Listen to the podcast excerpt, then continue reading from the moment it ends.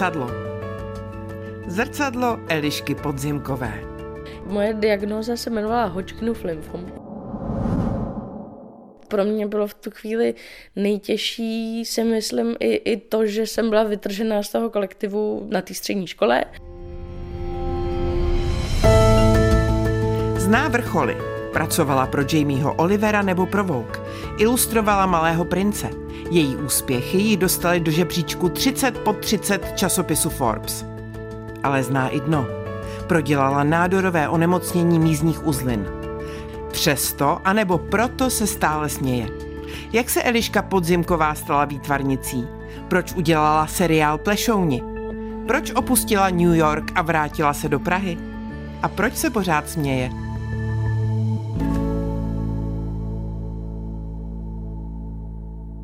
Já to mám asi, asi trochu po mámě, která se taky furt směje.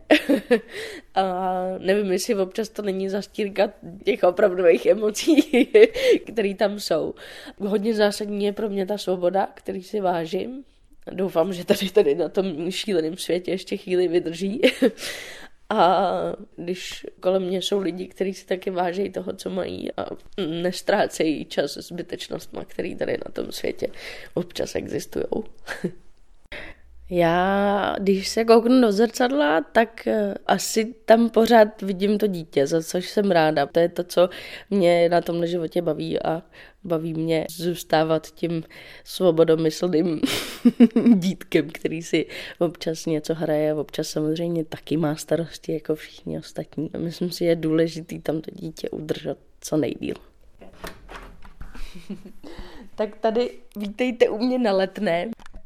Tady máme takový svoje doupě, který je plný všech možných věcí a vzpomínek a nerada si věším svoje věci, to mi nejde to ani náhodou, ale tady třeba od Aničky Niklový, tady mám krásný hlavy a mě baví hravý, pozitivní, barevný věci, takže to tady je takový plný barev a občas i trošku bizárních věcí, jako třeba tady dva porcelánový chrti. Já jsem uh, z Dobřichovy, což je kousíček od Prahy. Máma je taková podobná duše jako já, nebo respektive já jsem podobná duše jako máma spíš. I vlastně dědeček, kterýho jsem teda zažila jenom do svých nějakých pěti let, byl taky mm, takový tvořič všeho, měl svoji dílnu, kde nám vyráběl různý houpací hračky ze dřeva, kreslil, ilustroval. Vlastně všichni tři jsme takový jako myšmaš všech možných technik dohromady, že se nedržíme tý jedný svý. Prostě máme rádi přelítávání od dřeva, keramiky po textil až po ilustraci. Tak je jenom vtipný ty výtvory těchto těch tří generací jako vidět a vidět tam ty společné prvky, které tam jsou. Určitě, ale všichni tři tam máme to dítě, který, o kterým jsem mluvila na začátku a je vidět, že si rádi vyblbnem na různých věcech. Baví mě kombinovat uh, nějakou realitu, kterou můžete zaznamenat třeba foťákem nebo kamerou s, s fantazí, kterou já si tam dotvořím už podle sebe, ať už ilustrací um, nebo digitální ilustrací, malováním, čímkoliv. A baví mě tahle ta kombinace, protože otevírá plno možností. Je to svým způsobem si dokresluju realitu něčím, co mi tam chybí třeba. No a pro mě je prostě úplně nejhorší mít volnou plochu, protože já potřebuji nějaký podnět, potřebuji nějaký něco rozvádět dál a častokrát mi prostě třeba návrh na tričko dělá problém, protože se nemám čeho chytit a baví mě reagovat na to, co existuje.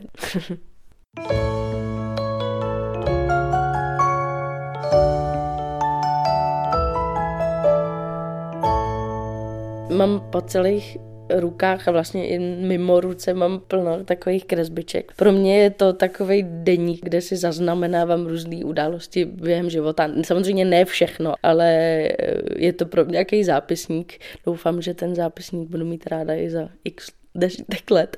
Určitě mi vždycky připomenou nějaký období, ke kterým se třeba ráda vracím, anebo naopak už nechci, aby trvalo dál. Nemám papírový deník, tak mám deník trošku na sobě.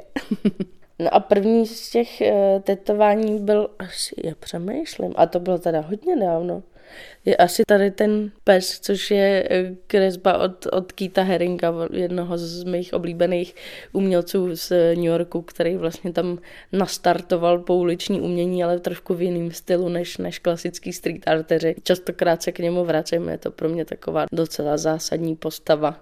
Tady to kolečko, který je tyrkysový vlastně kolem dokola, tak tyrkysová je jedna z barev onemocnění, který jsem si prošla, tak jsem si udělala takovou pomyslnou čáru za tím obdobím, že už se uzavřelo a nebude pokračovat dál.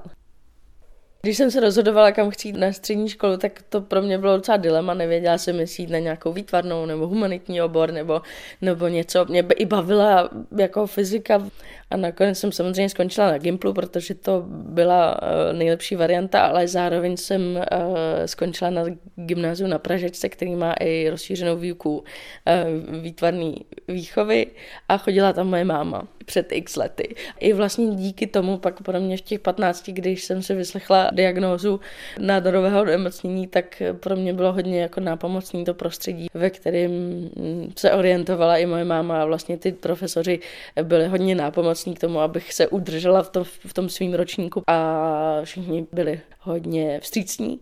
Moje diagnóza se jmenovala Hodgkinův lymfom. Je tam nějakých třeba 85% úspěšnosti léčby, což je relativně vysoký číslo v takovém ohledu jako mm, oproti jiným nemocem, ale samozřejmě furt tam máte těch, těch pár procent, kdy to fungovat nemusí ani v těch 15 jsem nedokázala vnímat, co se vlastně děje.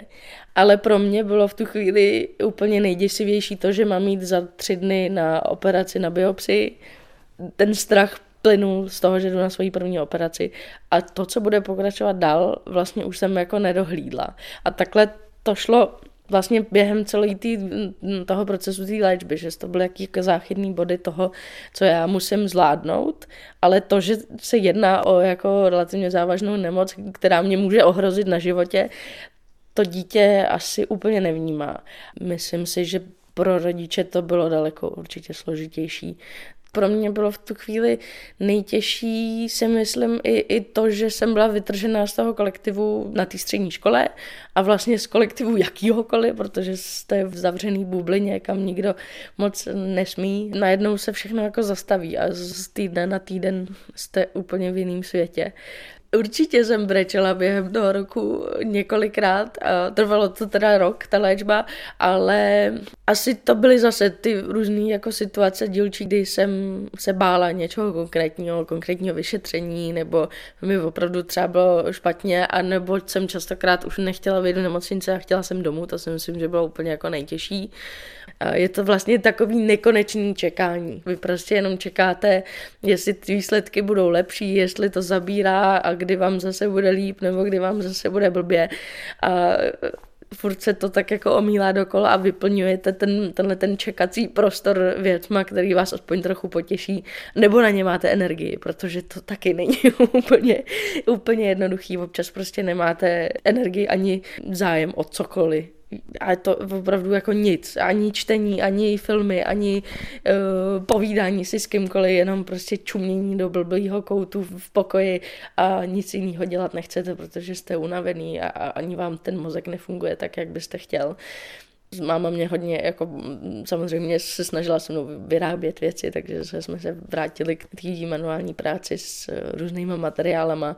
Eh, vlastně jsem si během té léčby našla cestu do kreslení těch fotografií, protože táta jednoho dne přines grafický tablet a říkal, hele, nechceš tohle zkusit, protože mě bavil, učila jsem se ve Photoshopu a v nějakých programech. A takže to bylo vlastně poprvé, když jsem si hodila fotku místo toho bílého papíru a začala jsem na ní kreslit. Takže to Mm, to takový jako momenty, které vlastně si uvědomujete až teďka zpětně, kdy, kdy mm, si říkáte, že je hezký, že se to stalo a pamatujete si naštěstí vlastně většinou jenom ty hezký a ty špatný ten mozek vytěsní. Ale samozřejmě i pár jako momentů, kdy šlo trochu do tuhýho, tam v té hlavě mám a občas si na ně vzpomenu. Vlastně to vždycky dokážu nějak jako vnitřně otočit v to, že i, i to byl vlastně pozitivní zážitek v něčem, co mě pomohlo tohleto období nějakým způsobem překonat.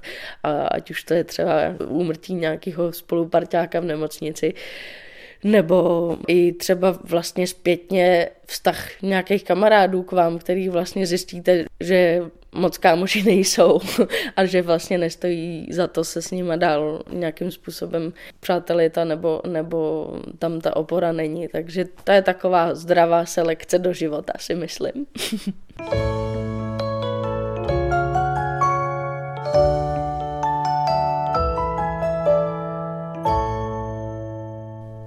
po návratu do školy jsem se snažila zařadit zpátky do toho kolektivu, což na té střední samozřejmě není nic moc jednoduchého. Všichni se za ten rok posunuli relativně dost. Já jsem si trošku odmazala ze svého života pubertu díky tomu onemocnění, ať už i jako čistě biologicky hormonálně, tak i hlavou a nějakým, nějakým dorůstáním, protože ta nemoc to trochu zastavila. Tak to bylo takový hop z dítěte najednou do jakoby dospělého člověka, který si prošel něčím takovým, ale pořád to ne úplně vnímal. Jako, jako takovou velkou, velkou událost, to spíš teďka vnímám zpětně, že to takhle trochu bylo. A že se mi ty priority životní utříbily relativně brzo vlastně jsem za to dost ráda, že, že v tom životě mám teďka jasně řečeno, čím se chci zabývat, čím nechci ztrácet čas a co mi stojí za to řešit a neřešit. Samozřejmě občas taky řeším blbiny, to dělá každý. tak jsem potom se vrhla na vysokou školu v Písku, kam jsem chodila na animaci a vlastně během toho studia u nás doma bydlela 4-5 měsíců americká studentka Zoe. Podívala jsem se díky ní do New Yorku, odkud byla a já jsem tam vlastně i trávila nějaký čas u ní v rodině nějak jsem se až jako bez hlavy zamilovala do, to, do toho města. Měla jsem potřebu se tam dostat, přestěhovat, pracovat, studovat vlastně cokoliv.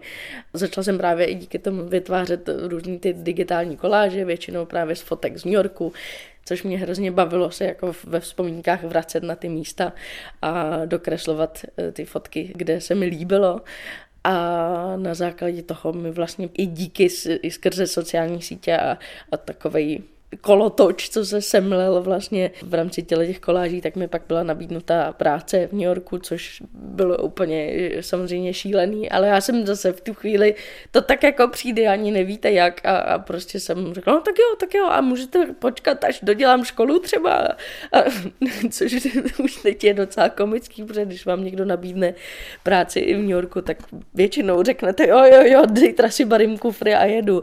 Tak